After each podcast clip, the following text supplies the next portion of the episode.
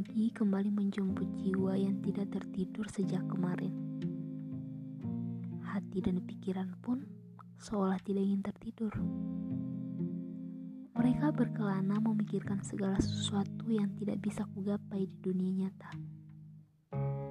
Berpikir tentang seseorang yang mencintaiku dengan tulus.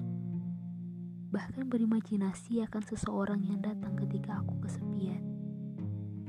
Tapi sayangnya, mereka tidak sadar kalau realita tidak seindah imajinasi.